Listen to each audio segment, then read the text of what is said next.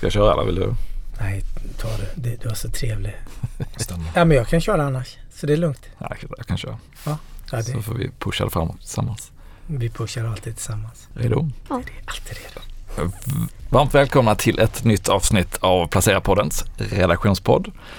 Eh, Det är midsommarvecka så vi är lite extra heta på bollen den här veckan och spelar in. Eh, Och med mig, Martin Blomgren, så har jag till vänster om mig, Per Ståhl. till höger om mig Ludvig Lönngård. och mitt emot mig, vår nya talang. Ja, Adriana.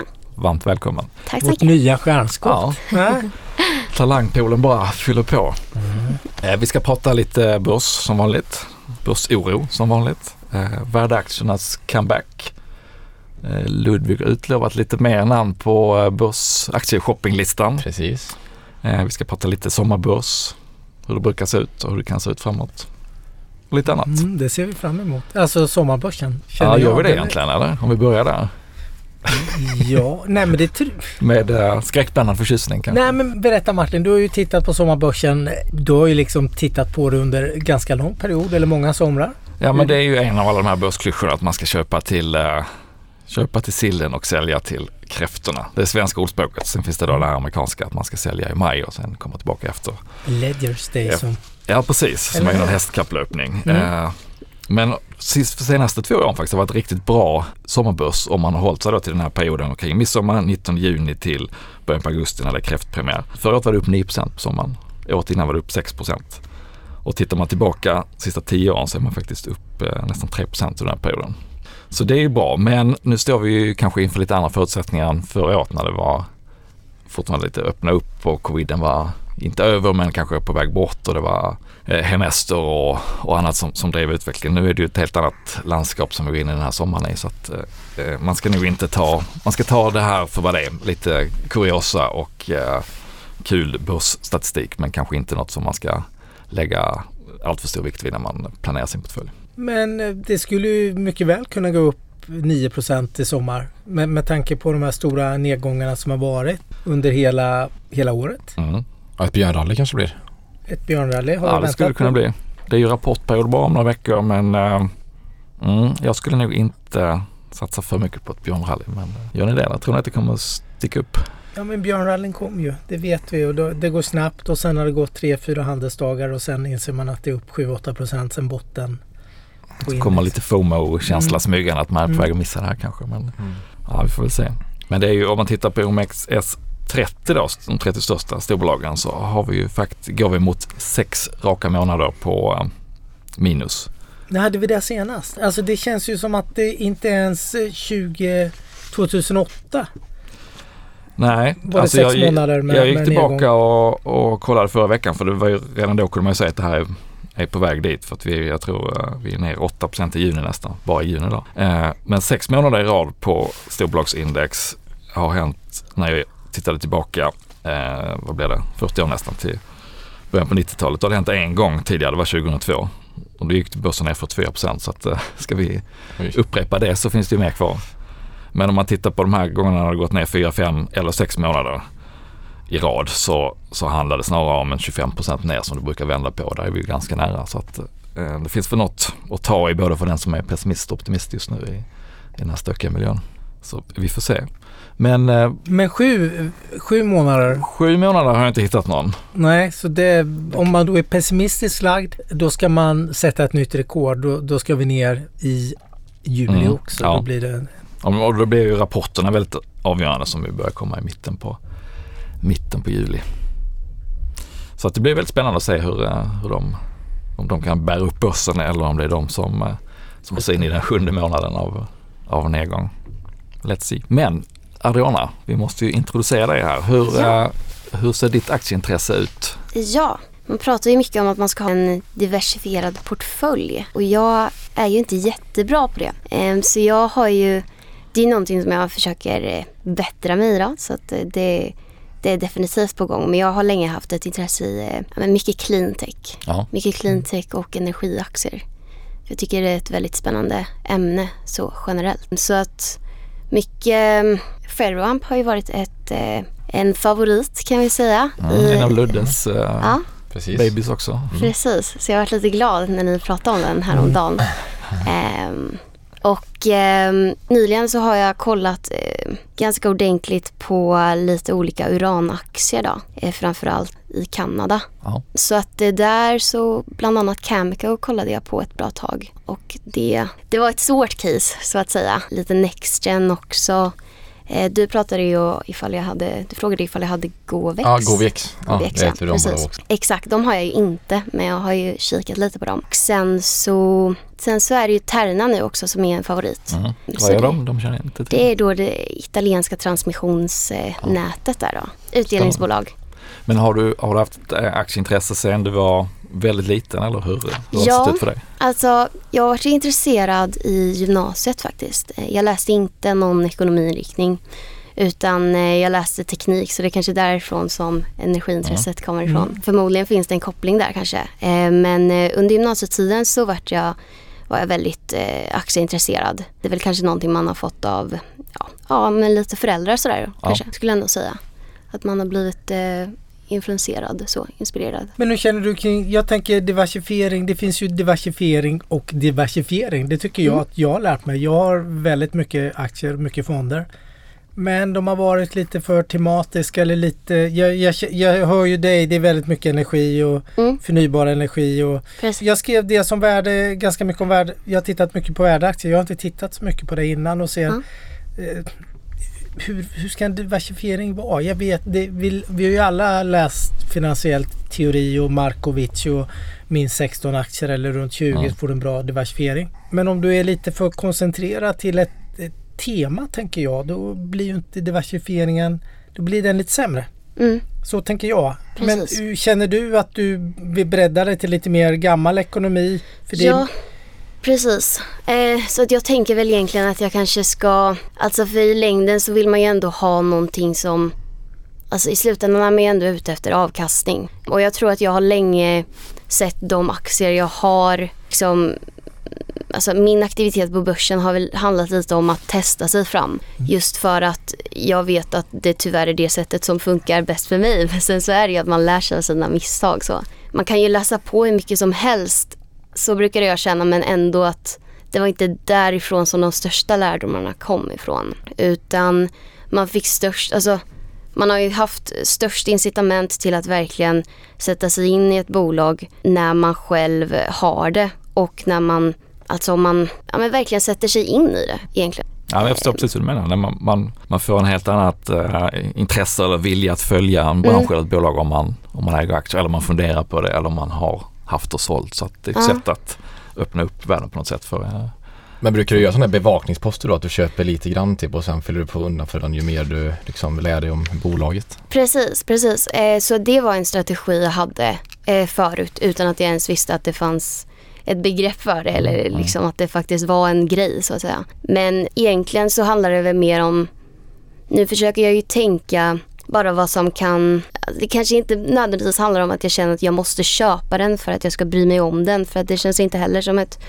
jättelångsiktigt sunt tänk. Men det är väl snarare i så fall kanske att jag smalnar av bevakningslistorna då. Risken blir att man fyller på för mycket och sen så säger man att man ska ha koll på kanske 15 aktier men sen det, det blir ju inte så utan då får man skapa en ny och sen så sållar man bort och så börjar man om sådär hela tiden så ser man ju vilken som man fastnar för eh, och vilken som dyker upp om och om igen. Och så får man gå in i det eh, helt enkelt och ta det att ja, men, ja, men nu jag märker ju här att det finns de här tre bolagen, det är de jag bryr mig om. Då ska jag kolla på dem ordentligt nu. Så det är väl lite så jag tänker nu. mm, kul att höra och kul att ha dig här. Ja. Eh, per, diversifieringen som... eh, Jaha, okej, jag tänkte du skulle prata lite värdeaktier. Jo, men, men, eh, det, det, är alltså, det är ute, egentligen är det utifrån ett diversifieringstema. Ja, lite ja. Som, Just det. som vi pratar om att det är, lite, det är mycket, det är lite som att spela golf. Det gör man inte på driving rangen. Nej. Utan ut på banan och där ser man vad, Mm. vad som kan gå fel och vad man kan förbättra och hur man man hittar någon strategi där ute. Mm. Eh, Lite så är det. Ut på börsen se och lär. Jag har ju insett att jag har ju varit ganska väl diversifierad har jag tyckt. Men insett att i år har det varit inte så väl diversifierat. För jag har inte så mycket värdeaktier exempelvis. Å andra sidan, det har varit ett år där det har varit svårt att gömma sig någonstans. Nej, det har ju varit svårt. Ju, har man gömt sig så är det ju faktiskt inom en, energin då som Adriana är inne på. Fast mm. kanske på fulenergin då. Ja, vi skulle haft mycket gamla, gamla oljebolag. eller gamla genom att de har en lång historik, att de har funnits väldigt länge. Vi pratar Exxon, Chevron. Mm. Det är ju bebisar från Rockefeller-tiden. Då har man ju haft en fenomenal avkastning. Mm. Det är ju faktiskt den enda globala aktiesektorn som är uppe i år. Mm. Det är energisektorn. Den är upp hiskeligt mycket. Medan allt annat lyser rött. Och sen kan man ha haft lite dollar, någon dollar på sig då som svensk. Då har man ju där har vi ju vinnarna. Men jag tänkte värdeaktier har ju haft det ganska tufft nu de sista, sen finanskrisen kan man säga. Och det finns säkert fler anledningar till det. det är framförallt sen finanskrisen har ju ränteläget blivit ett helt annat.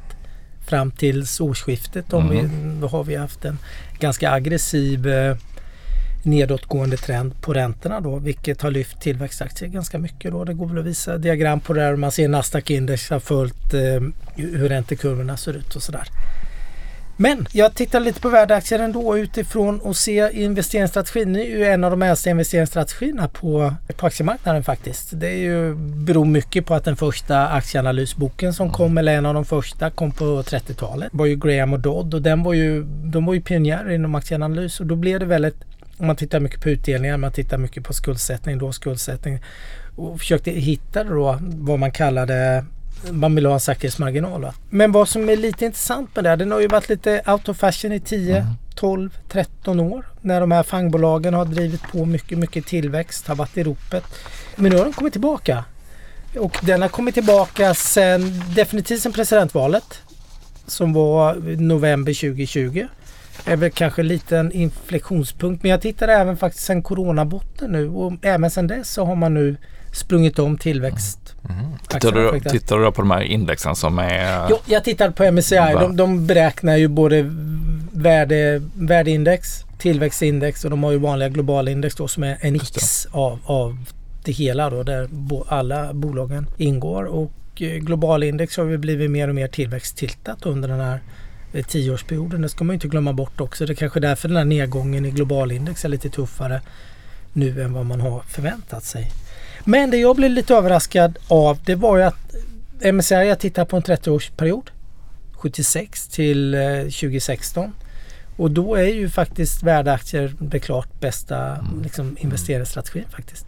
Det som slog mig var dock att det var väldigt hög standardvikt. Så jag tror inte standardvikten mm. skulle vara så hög. Men i beaktande med det så kallad sharp ratio eller någon, så har det varit en väldigt bra investeringsstrategi. Eh, om man tittar på presidentvalet, nu kan ju inte folk se grafen, men då är gapet, alltså skillnaden mellan värde och eh, tillväxtaktier det största Rejält. under hela perioden nu. Även ja. att det har varit en nedgång nu under de senaste två månaderna då. Som även har drabbat värdeaktier. För nu är det ju den här enorma räntehöjningarna vi har sett nu sista tiden som egentligen slår ner på alla aktier mm. såklart. För att eller alla tillgångslag som har en diskonteringsränta eh, slår ju på lite just i den här, eh, själva den här typen av marknad vi är i nu då. Men man kan titta lite mer på värdeaktier. Har man varit som jag har varit lite för innovationsdriven och eh, tillväxtdriven och känner att ja men den här inflationen kanske är här för att stanna under någon period. Det finns det väl goda sannolikheter för att den är. Ja och det, den kanske är här nu under ett under en period och vi, vi har räntehöjningar nu under också en period. Och den perioden kanske inte är den bästa för tillväxtaktier och du känner att du vill diversifiera och framförallt då visar det att man ska vara diversifierad långsiktigt. Mm. Och det kanske blir en ny period när, när värdeakterna kommer att gå väldigt bra. De gick faktiskt väldigt bra i första hälften av 00-talet. Du var inne på 2002. Då vet vi, mm. det var inget roligt år och det, årsskiftet där någon gång vände ju börserna efter nedgången från det stora internet och millennium. Ja. ja det var ju tre år i rad som var med lite falska uppgångar som, mm. och sen så nya nedgångar. Så det var ju en rätt men, så lång surperiod. Men fram till finanskrisen så var det väldigt bra år för värdeaktier under mm. flera mm. år där som det gick eh, som det gick betydligt bättre än för tillväxtaktier. Då. Om man då är intresserad av någon investeringsstrategi kan man läsa ja. texten och fundera kring om man ska ha lite, få lite mer av en, vad ska man säga, en allvärders mm. investering då som mm. klarar av lite olika typer av klimat då. Får se. Men jag tror mycket på energitransformeringen och det här vi ser mm. som behövs och vi kommer att göra i Europa nu de närmaste mm. åren. Då, så det kommer att driva mycket investeringar inom förnybar energi och du pratar kablar och ja, hela den typen av investeringar då som är behöver göras och behöver göras på en väldigt kort period. Då. Exakt, exakt. Men vad tycker ni om värdeaktier i stort? Eller hur känner ni att få en portfölj som är som både har kanske lite aggressiv till. Jag tänkte du ja, ja. Ludde du skriver ju om Datadog. Det får man väl anse ja, som är... kanske någon aggressiv tillväxtstrategi. Ja, för det växer så det knakar. 85 procent. Ja. Så det är inte något värdecase kan man säga. Nej, Nej men jag försöker ha en portfölj som är både värdeaktier och tillväxtaktier. Eh, så jag har ju som sagt ganska stor del Investor och så har jag ju SCA och Essity och de här gamla hederliga bolagen.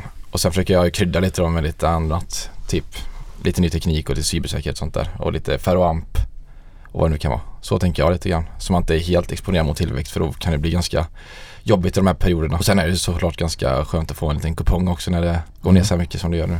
Och vi pratade lite om ferroamp. Mm. Som investering, för jag tittar ju lite på att investera så tänkte jag men den skulle man kunna hedga lite med Schneider Electric mm. som är ett stort franskt eh, elektronikkonglomerat som också är väldigt duktiga på eh, energieffektivisering för fastigheter och sånt där och som ligger ganska nära till hands eller en lågt hängande frukt nu när vi behöver energieffektivisera och minska koldioxidutsläppen. Ja, för då pratar vi lite om det. Ja, men då kan man, skulle man kunna ha lite Ferroamp och lite Schneider Electric. Mm. Då har man gigantiska mm. bolaget mot det här lilla mikro det är, det är inte ens mikrocap jag på att säga. Det är mikro mikrocap känns mm. det som. Mm. Nej men det är ju väldigt litet bolag då mot den här stora bjässen då. Så kan man tänka lite diversifiering mm. inom segmentet ja, så då. Så det, det, alltså diversifiering är ju så många olika det finns ju på så många olika nivåer då. Mm. Antingen gör man det inom en sektor eller så gör man det jättebrett med tillväxt och värdeaktier då. Så det, jag tror att man, där kan man göra mycket för det verkar ju som en, något som vi hittade. Som, ja, men mm, så kan man också sen, tänka. Jag tycker det beror också på hur bra koll eller noga pratar om det att man går in i ett bolag för att följa det lite grann. Men ju mer man kan om ett bolag desto mer bekväm kan man ju vara med att ha en större position också. Eh, så så tänker jag. De bolagen som jag har ganska bra koll på som jag har följt länge där kan jag känna mig bekväm med att ha liksom en större post än vad jag skulle haft annars. Medan om jag köper något tillväxtbolag eller något liksom amerikanskt bolag som som verkar i en spännande nisch men där jag inte har så bra koll egentligen på vem, vem som är VD eller vad som, eh, eh, vad som händer liksom runt den branschen. Annat än att den är väldigt spännande. Då kanske man tar en liten post och är, är bekväm med det. Men man, jag skulle inte vilja ha liksom en jätteandel av portföljen mm. i, i, ett sånt bolag. Så det är också en aspekt hur, hur bekväm man är med att man hinner eh, gå ut om, om det sker förändringar i bolaget. Jag har två andra spaningar som är lite kopplade till eh, rapportperioden som är på gång. Den ena är att jag lyssnade på en kapitalmarknadsdag i veckan från Lindab som ju är ett eh, ventilationsbolag kan man säga. De gör de här plåtrören och olika don och, grejer som, som sitter till när man eh, bygger eller renoverar stora fastigheter. Eh, och eh, om man vill läsa den analysen kan man göra det men det var inte det som komma till här utan det var att de fick väldigt många frågor på, på eh, Q&A om hur de kommer att hantera att stålpriserna nu är på väg ner. Det alla pratat om nu i två år är ju hur ska ni hantera prishöjningarna? Men vi kanske är i en vändpunkt där då där det handlar om hur ska de bolag som har duktiga på att höja priserna, hur kommer de att hantera att deras råvarupriser går ner? Kommer de att släppa priserna och, och då liksom att marginalen kanske är stabil mm. men följer priserna ner eller kan de behålla en del av marginalen? Och i just det här fallet så var en av deras stora kunder med också Bravida så att där fanns det väl anledning ja. att inte prata för detaljerat om hur de skulle göra men jag tyckte det var väldigt intressant eh, punkt att, att nu börjar man prata, i vissa fall i alla fall, då, om hur ska man hantera en prisnedgång, vilket man inte har gjort på de senaste två åren. Den andra spaningen är ju att de här prisuppgångarna som vi ändå har haft under andra kvartalet i de flesta fallen blåser ju på något sätt upp omsättningen. Så att jag tror vi kommer att se väldigt bra omsättningssiffror i halvårsrapporterna. Dels lageruppbyggnad bland kunderna och dels att man då har höjt priserna. Men det skymmer ju lite grann hur stor volym uppgång som har skett kanske. Så att jag tror man ska vara lite försiktig om man ser att bolag kommer med väldigt bra försäljningssiffror med att läsa in för mycket i det. Och man kommer nog kunna se bolag som säger att de har jättebra efterfrågan och visar höga tillväxttal. Men där reaktionen på börsen kanske inte blir så positiv som man kan tro. Så det var två ja, minispaningar inför uh, rapporterna. Mm. Det är några veckor kvar men uh, låter rimligt. Mm. Hur ser det ut med uh, Ludde? Du, ja, det glömde nästan. Du höll glömma. Du har ja. utlovat att fylla på uh, ja, det är ju, shoppinglistan. Ja, det är inte så mycket värdaktier på den här shoppinglistan kan jag säga. Så vi får väl, det här är ju långsiktig investering får vi tänka på. Så det är ju inte, det är liksom inte några månader här liksom. Utan det här är fem plus år, tre, okay. fyra, fem mm. år. Så jag kan ju rabbla, börja rabbla den här då. Det är alltså bolag som du har på din inköpsbevakningslista? Ja, alltså vissa av de här bolagen har jag redan. Ah, okay. Mm. Eh, du vill ja, buffa typ, upp i? Ja, precis. Så jag ska nog fylla på lite och då första är då SUS. Alltså Circle Science då. Det är robotkirurgi mjukvara. Eh, de har ju två affärsområden då. En, ett affärsområde där de säljer simulatorer då så man kan öva som kirurg på att ja, inom vad man nu ska göra operationer i. Och sen den andra då man säljer eh, mjukvara, simulat- mjukvara till robotkirurgiföretagen typ som Intuitive Surgical då som man säljer en liten box till på baksidan av den här stora roboten. Och de gjorde ett stort förvärv här nu eh, med Symbionics typ förra året och det var ett riktigt bra förvärv och de har nästan i princip monopol på den här alltså mjukvarumarknaden på Robot20. Och den här marknaden är ju, växer ju oerhört fort. Det är liksom framtiden. Så, och den aktien har liksom halverats.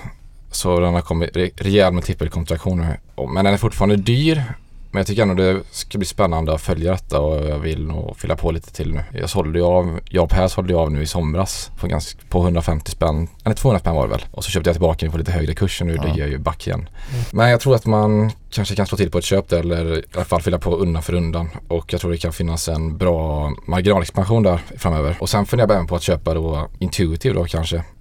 Alltså själva robotkirurgi, mm. mm. alltså de som gör robotarna då. De har också bra marginaler men problem, de har ju haft monopol historiskt men nu börjar det komma massor med nya aktörer då på marknaden. Så det är lite svårt för mig att veta liksom om hur den marknaden kommer att utvecklas i framtiden. Så jag ska ta mig och fundera på det där. Men eh, generellt sett en väldigt spännande bransch och jag tror att den har framtiden för sig. Jag tror att bara en liten kommentar. Jag tror inte det behöver vara dåligt att det kommer in konkurrens för då blir det mer legitim hela... Har du bara en spelare så det ställer lite frågetecken också. Ja, det finns nu ju. Visar det att mm. det, är en, du, det är många som satsar på, in, mm. på det här segmentet. Det visar ja, att, det, att, de att det är många som ser att det finns tillväxt. Ja, det... Strukturell tillväxt och så vidare. Så jag tror inte det behöver vara helt fel. För jag tror marknaden är tillräckligt stor för att mm. svälja mm. fler aktörer. Ja, vilket... så kan det vara. Men det är bara frågan om konkurrenterna blir bättre än själva Ja men det är ju originalet. Det är ju mycket patent som mm. har gått ut. Det är ju därför ja, du precis. möjliggör Men de, ska, de nya robotarna ska börja komma nu, alltså de kommande åren så det har inte riktigt kommit igång än. Det finns väl typ två, tre konkurrenter till Intuitive. Men du kan absolut ha rätt där. Men jag ska läsa på lite om det så ska vi se om det blir någonting där. Och sen funderar jag också på Match Group. Alltså de som äger Tinder och de här, alltså dating-sajter. Tycker om de starka nätverkseffekterna. Däremot vet jag inte heller. Jag, jag tror jag ska vänta lite med till Q2 men ändå få bevara, alltså nära köpen då för de bytte ju VD nu och sen hade de ganska dåliga guidning här nu under Q1. Jag tror jag ska avvakta lite med den där men om det blir lite mer klarhet kring detta i Q2 så tror jag absolut man kan slå till på ett köp där. Och det handlas ändå till en börjar bli rimliga värderingar. Innan var det helt orimligt. Och sen tänkte jag faktiskt fylla på lite cybersäkerhet kanske. Köpa lite Crowdstrike som växer på bra. Där är ju dock värderingen väldigt hög. Men de går mot lönsamhet med stormsteg. Och många av de här cybersäkerhetsbolagen har ju väldigt generösa optionsprogram, vilket även Crowdstrike har. Så om man tar till exempel C-Scaler som är ett annat cybersäkerhetsbolag så har ju de otroligt generöst optionsprogram. Alltså du blir ju utspelad som aktieägare samtidigt som, alltså hela vinsten slukas ju liksom av de här optionsprogrammen. Generöst för de anställda, inte så generöst för aktieägare. Nej precis, så det beror på hur man vill tolka det då. Antingen tycker man att det är jättebra incitament till sina anställda eller så bara spär ut aktieägare liksom. Mm. Så de, de är jag lite mer tveksam till C-Scaler men Crowdstrike går faktiskt med vinst på gap då, på gap-nivå, det som IFRS typ då. Mm. Eh, och sen, de är på väg i alla fall på gap-nivå att gå med vinst. Det gör ju inte C-scaler, de skenar ju snarare. Så det är viktigt att hålla koll på skillnaden på non-gap och gap för att justera mig för optionsprogram. Sen även fundera på att ta in eh, No Before då som är lite samma grej där. Marginalexpansion, ser bra så här, kan sälja på sina kunder fler tjänster inom ja, sitt lilla ekosystem då som bidrar till bra byteskostnader. Så det får nu också på att fylla på. Värderingen har kommit ner. Är det också cybersäkerhet? Ja, de håller på med utbildning inom cybersäkerhet till företag. Och jag tror också en växande bransch är väldigt underpenetrerad. Ja, det var väl allihopa och sen kanske lite Ferroamp också då. Möjligtvis att man fyller på omgångar där också. Lite mer cleantech och kanske även eh, Schneider Electric då. Mm. Jag vill ha lite mer eh, exponering mot miljövänliga grejer. Eh, kanske lite Solar Edge och Enphase som jag nämnde förra podden. Men jag har lite svårt att få grepp om vad liksom, konkurrensfördelarna finns och kan jag lita på att det bolaget finns kvar om 5, 6, 7 år. Det är väl det som är problemet. Så det var väl mm. Ja, bra lista. Ja, vi får se. Vad gör du med dina värdebolag då? Du pratar SCA, SET, bara Investor. Där fyller du inte på något? Nej, utan de det är har- ju så pass stor del av portföljen så det känns som att jag kommer ju bara ha rena värdeaktier om jag fyller på mer där. Så jag låter dem bara ligga där och så återinvestera utdelningen i tillväxt. Jag tror ändå på att på lång sikt kommer ut tillväxt slå värdeaktier om man betalar ett någorlunda bra pris för dem. Mm. Så var det med det. Quit. Egna affärer då? Har ni gjort någonting? Nej, ingenting har jag gjort. Jag var på väg att göra någonting men det blev ingenting. Det, Du Det har gått tyglade så- dig? ja, men det har gått så snabbt upp och sen går det snabbt ner. Mm. Idag är det väl ner några procent. Igår var det upp några. Ja, men det, det är tvära kast. Mm. Nej, jag har inte gjort, heller gjort något. Nej, inte jag heller faktiskt. Jag inväntar halvårsrapporten och sommaren. Ja, det tänkte jag faktiskt också. Jag har haft det lite som strategi att vänta in till det här efter sommaren och Mm. se vart vi landar med allt med alla räntehöjningar och om vi kanske får lite, som Pekka säger, lite inflationsstatistik som inte är så aggressiv och eh, det kanske lugnar ner sig lite på inflationsfronten och det blir lite gröna skott där så kan ju marknadssentimentet bli lite mer stabilt. För nu är ju marknadssentimentet så volatilt känner jag. Vissa dagar är det lite, då är det ju börsen upp ganska mycket och det är hyggligt sådär lite stabilt. Men dagen efter, en dag som idag så försvinner det bort och det Mm. är mörka rubriker igen. Och det ena med det andra. Så det Ja, risk, jag tycker risken är att ingen riktigt vågar tro på vändningen på ett tag. Även om det skulle komma bra halvårsrapporter så är det okej, men det var ju för att det här var den sista bra rapporten och inga vd som kommer våga vara Mm. offensiva utan man kommer nog behöva komma in i, ja, ska vi säga september, åtminstone kanske oktober innan man kan på något sätt blåsa lite av faran över i alla fall. Och innan vi är där då kanske det har kommit en, en stor nedgång till, vem vet. Så att jag är lite, Man skulle Ja. gärna vilja se så här en riktig liksom, genomkörare eller vad man ska säga. Alltså Mm. neråt. Och att det kommer riktigt mörka rubriker. Alltså man skulle inte vilja se det men jag tror då, då är vi någonstans väldigt, väldigt nära botten. ja jag tror också När de här rubrikerna i DI liksom kommer. När det är så billigt så att även om det blir en recession så skulle det ändå vara billigt. Då, Då kan då det är vara ju- helt riktigt. Då kan man ju våga ta risk på ett det- annat sätt kanske när, när vi ligger på, som vi gör nu, kanske några snittvärderingar och det är fortfarande bra marginaler och bra utveckling i bolagen. Så att eh, Det är svårt. det är lite svårt. Så lite försiktighet tror jag ändå, om man inte har väldigt lång sikt naturligtvis, då går ju börsen upp. Så att, eh, det är det som är det fina. Så är det. Men ska vi tacka för den här gången och önska lyssnarna glad midsommar? Ta midsommar, ja. Precis. Glad midsommar! Glad midsommar. Glad midsommar. Glad midsommar.